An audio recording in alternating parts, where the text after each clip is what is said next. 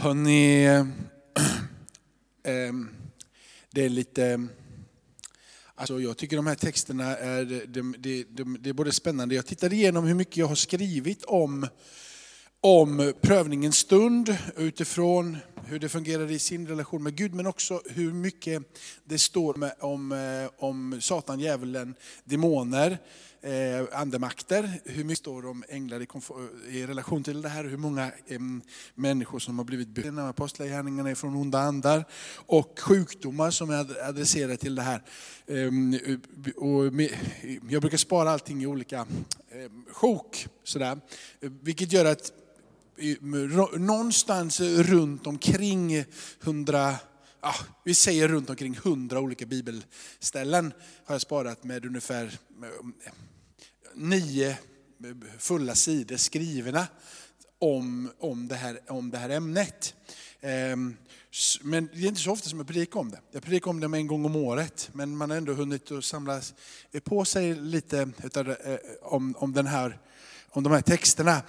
Eh, men jag tror att jag ska prata om fasta. Ehm, jag tror att det blir det som jag, som jag landar utifrån, för Jesus går ut i öknen och han fastar. Intressant är att han är ledd utav anden ut i öknen för att bli frestad. Ledd av anden ut i öknen för att bli frestad. Ni vill se första Mosebok här och den texten som adresseras ehm, utifrån att, att, ehm, att Adam och Eva äter det här eh, frukten som gör att den relation som fanns där eh, blir bruten. Så finns det en text som är kopplad till den här jag vet inte hur, hur, du läser när du läser Bibeln, men när du läser Bibeln så ofta, om du har bara någon lite mer avancerad Bibel än, än, än någon sån här, mer en pocketbibel, så finns det ofta i alla fall lite fotnoter och så finns det lite adresserade bibelsammanhang som kopplas med den texten, nya mot gamla testamentet och så vidare. Och det som står i första Mosebok kapitel 3, kopplat till den, adresseras till det Paulus skriver till församlingen i Korint. Och då står det så här ifrån kapitel, eller från andra Korintierbrevet kapitel 11 och vers 3. Som då en, en, en, en referenspunkt till detta. Där Paulus säger så här, men jag är rädd att liksom ormen med sin list bedrog Eva, så skall också era sinnen fördärvas och vändas bort från den ursprungliga och rena troheten mot Kristus.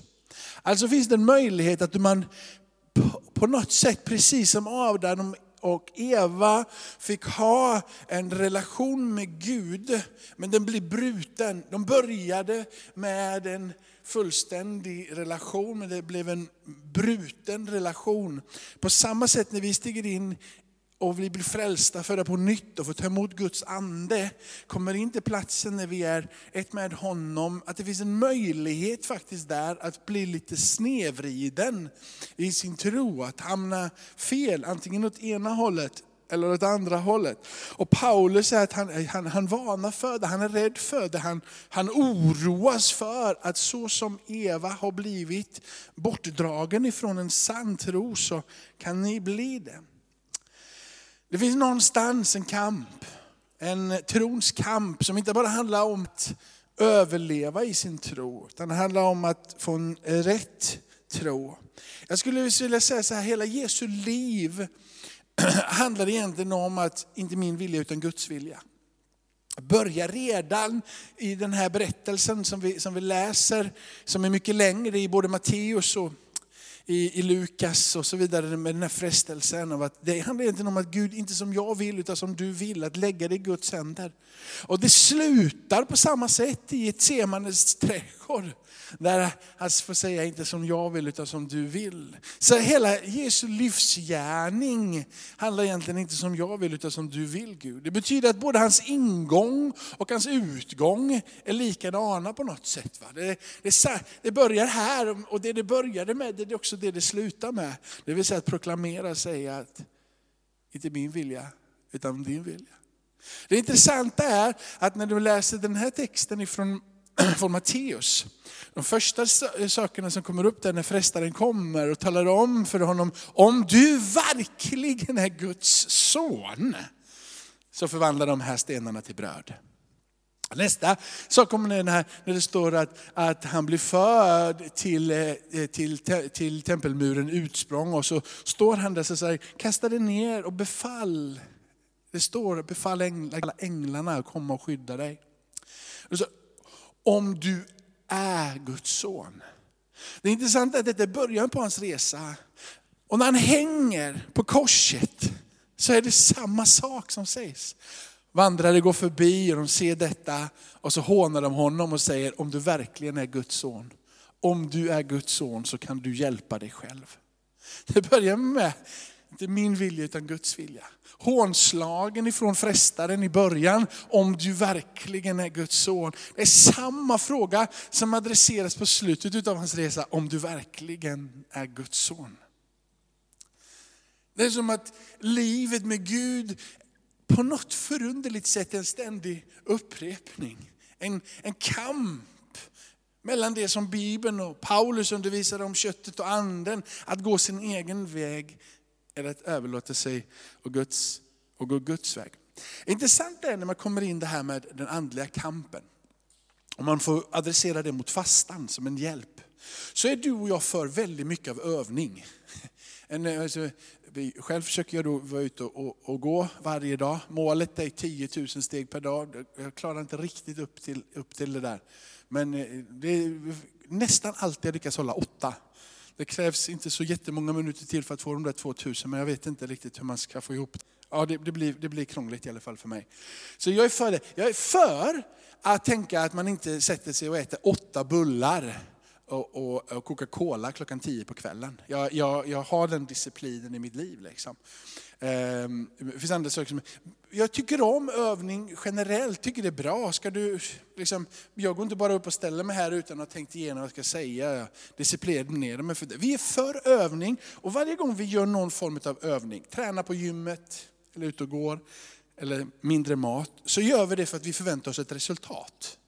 Eller hur? Och det är vi för på alla.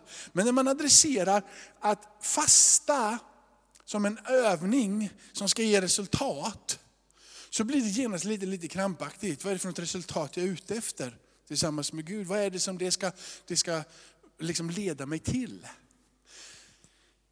Men ingen gör ju någonting utan att förvänta sig att få ett resultat av det man gör. Eller? Är det bara liksom fastan? Nej, men där, jag för, det ska jag inte göra. Men Jesus pratar om fasta, Bibeln pratar om fasta. Vad är det då som fastan ger? Vad är det som klargörs i våra sinnen när vi väljer att fasta? Som vi inte innan hade. Någonting slutar då och äta onyttigt så blir jag mer hälsosam. Börjar jag träna mina muskler så får jag mer muskler. Om jag då fastar, vad är det som kommer ut ur den fastan? Vad är resultatet utav det?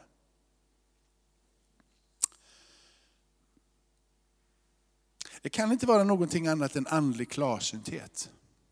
Varför? För du kan inte fasta och bli mer frälst än vad du redan är. För du är redan frälst på grund av att han dog och att han uppstår. Du kan inte göra någonting för att erövra mer frälsning, eller djupare frälsning, eller högre frälsning. Frälsningen är där, det är nåd. Du tror på vad han har gjort och det är han som ger och det är han som verkställer. Det är hans nåd som du tar emot, eller? Du kan inte göra någonting för mer. Älskar han dig mer för att du fastar? Det är någonstans. Han älskar dig med en evig kärlek. Han älskar inte dig mer för att du fastar. Han älskar inte dig mindre för att du inte fastar. Det är en kärlek som är konstant, en evig kärlek. Oberoende på ditt agerande egentligen mot honom. Han älskar dig för att han just älskar dig, för att det är en del av hans karaktär. Vad är det som sker när du då fastar? För du är inte mer frälst. Och du kommer inte längre med Gud heller på det sättet. Och du blir inte älskad. Vad är det som händer när du fastar? Vad är det som gör att Bibeln förespråkar det och talar om det som en nyttig hjälp? Det enklaste sättet att ta det till sig som ett första steg, det är att, det är att tänka att när du, du avstår något för att få något. Du avstår något, mat, för att få något. Du byter bort någonting för att ta emot någonting annat.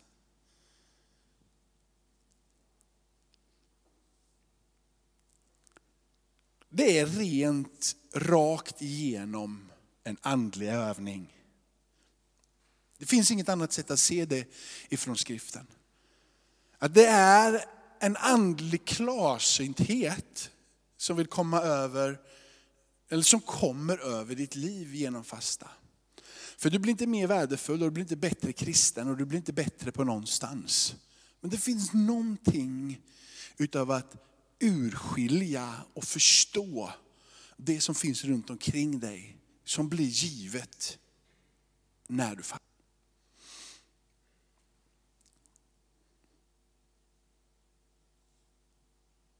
Det står att han blir förd ut för att prövas. Han blir förd ut för att frestas. Han blir förd till den här platsen. Hur fungerar det här andliga klarsyntheten då? För att när vi läser ifrån Matteus kapitel 4 om den här resan, så är det som om att han blir förd först till någonting som blir väldigt fysiskt, känns det som. För att han tas på något sätt till de här, liksom, förvandlar de här stenarna och gör dem till bröd. Upplevelsen är i alla fall att när man, när man tittar, det är, inte, det är liksom ingen dimridå, det är liksom ingen syn. Det, det känns som att det är fysiskt. Sen så står det att frestaren för honom till tempelmurens utsprång, in i den heliga staden. Och så där på den här platsen så säger han att hoppa ut. Gud ska befalla änglarna, änglarna ska komma och ta dig upp och skydda dig och bevara dig. Det intressanta och min största min frågeställning är, hur lång tid tog det åt? Och gick de fysiskt ifrån den platsen där han fastade och in till den heliga staden? Var det riktiga steg de gick med? Eller svävade de i anden? Liksom, flög de i anden upp bort dit? Hur lång tid tog det? Nästa berättelse, eller nästa påstående här från eller frestaren kommer och liksom försöker trycka till. Det är att, alltså att han förs på ett högt berg och han får se alla och bortom alla länder. Han får se liksom hela världen, allting som finns. Säger jag har makten att ge det här till dig. Bara faller ner och tillber mig. Ja, då är min fråga igen.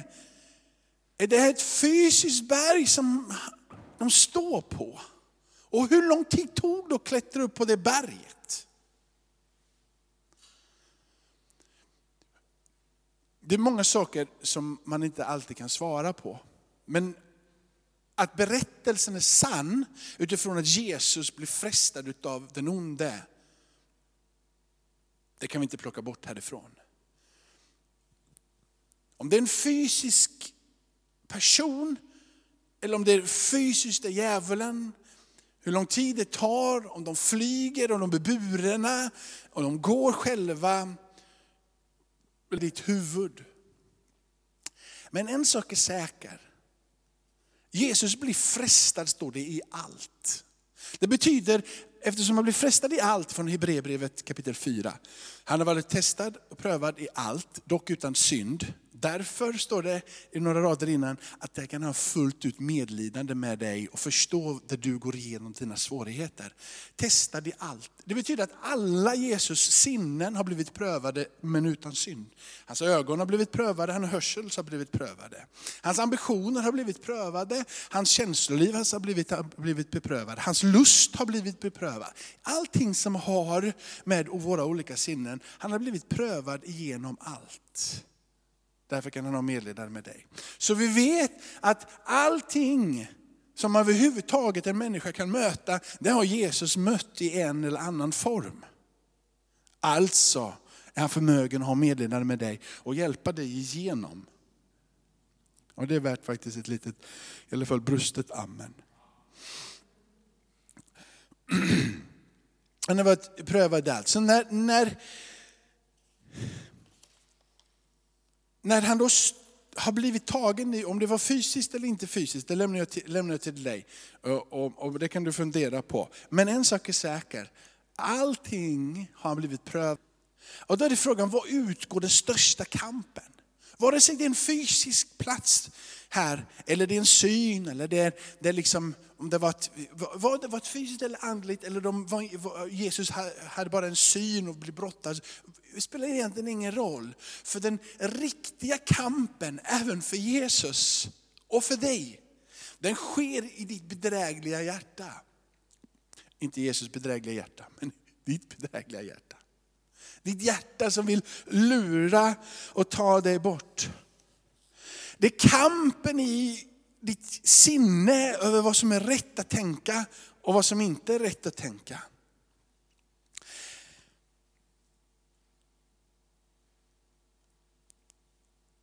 Om Jesus har blivit prövad i allt,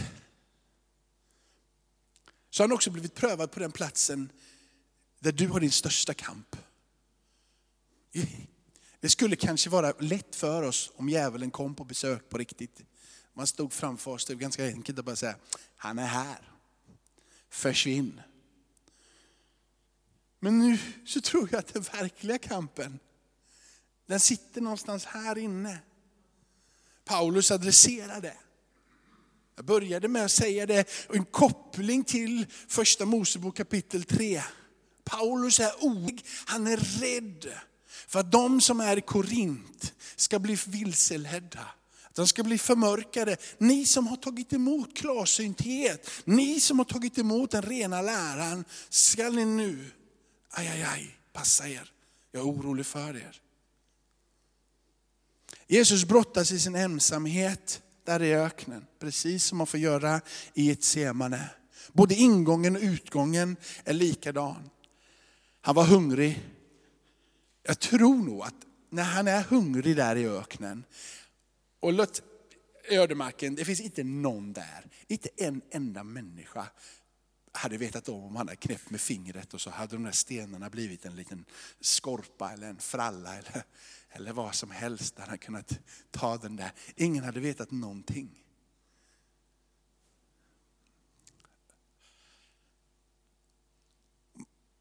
Frestelsen för Gud själv när han avsäger sina rättigheter och blir människa och vandrar på den här jorden. Det som han blev riktigt frestad i, det var att han hade all förmåga och all kraft att göra allting det som den onde kom och frestade han med. Han hade all makt, han kunde förvandla stenarna till brödet igen redan nu. Han hade all makt att både kasta sig ut sen på en legion änglar. Legionen änglar hade kommit och burit på honom. Han hade all makt redan. Han är en del av skapelsen. Eller han är skapelsen. Det är inte, han, han, I begynnelsen var ordet, ordet var hos Gud. Han är, är utandet utav honom själv. Han är logos, han är född, va? inte skapad. Han äger redan allting. Han kunde bevisat det för, för djävulen direkt. Men för att han skulle kunna ge dig och mig nycklarna till att kunna leva ett liv där vi säger, inte min vilja, utan din vilja. Så var han tvungen att lämna alla de attributer eller karaktärsdrag som han hade och underställa sig in i det mänskliga förhållandet.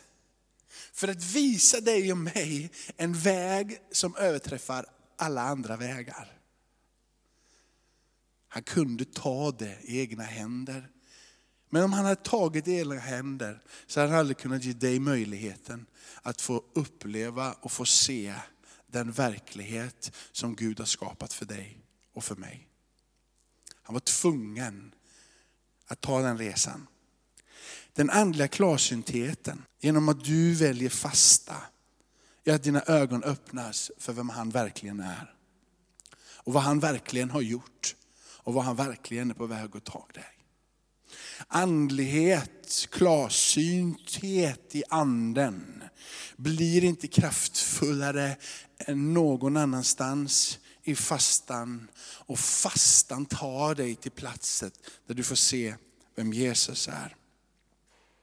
Den onde försöker få Jesus att agera från sin gudomlighet. För att du inte skulle kunna få bli hel, utan leva i ett brustet tillstånd utan relation med Gud. När han väljer att inte ta gudomliga attributen och agera från den platsen, så skapar han utrymmet för dig och mig. Och han säger, när du väljer fastans väg, så är det det som du kommer se. Det är det du kommer erfara. Du släpper på min vilja och du säger din vilja.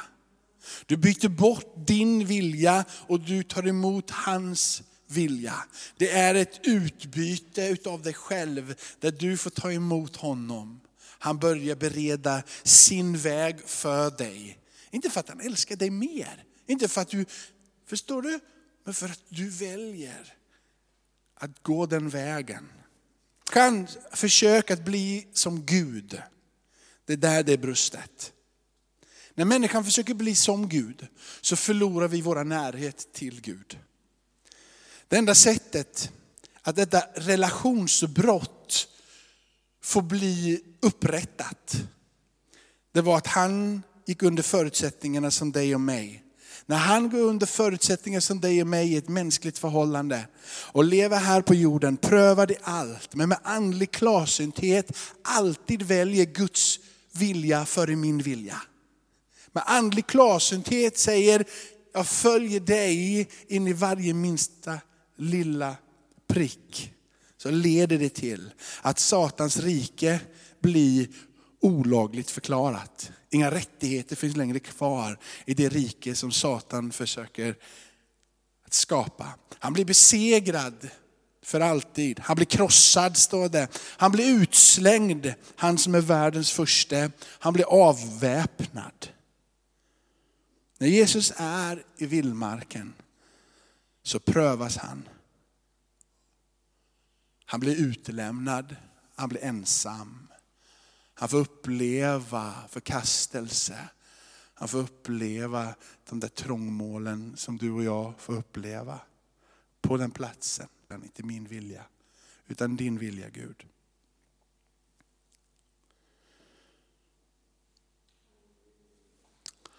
Därför behöver vi det dukade bordet idag hämta kraft och hämta styrka.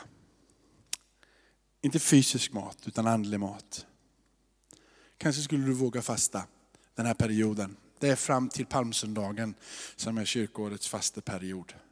Palmsöndagen är så söndagen före påsksöndagen. Så du har några veckor på dig. Fasta, prova vad det är att fasta.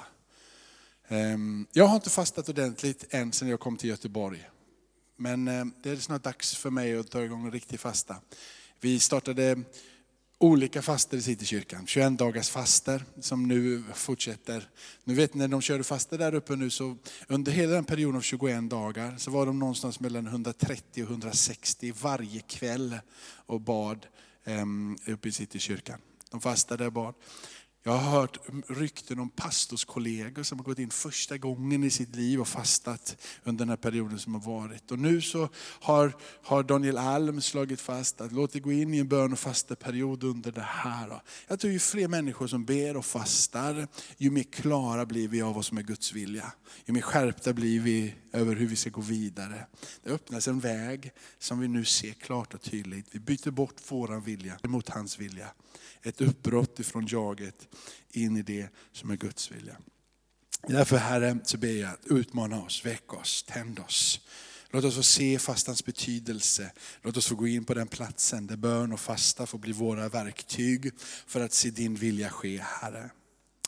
Tackar dig Herre för att den här äh, kampen av att vilja hela tiden, att den får dö på den platsen av fasta.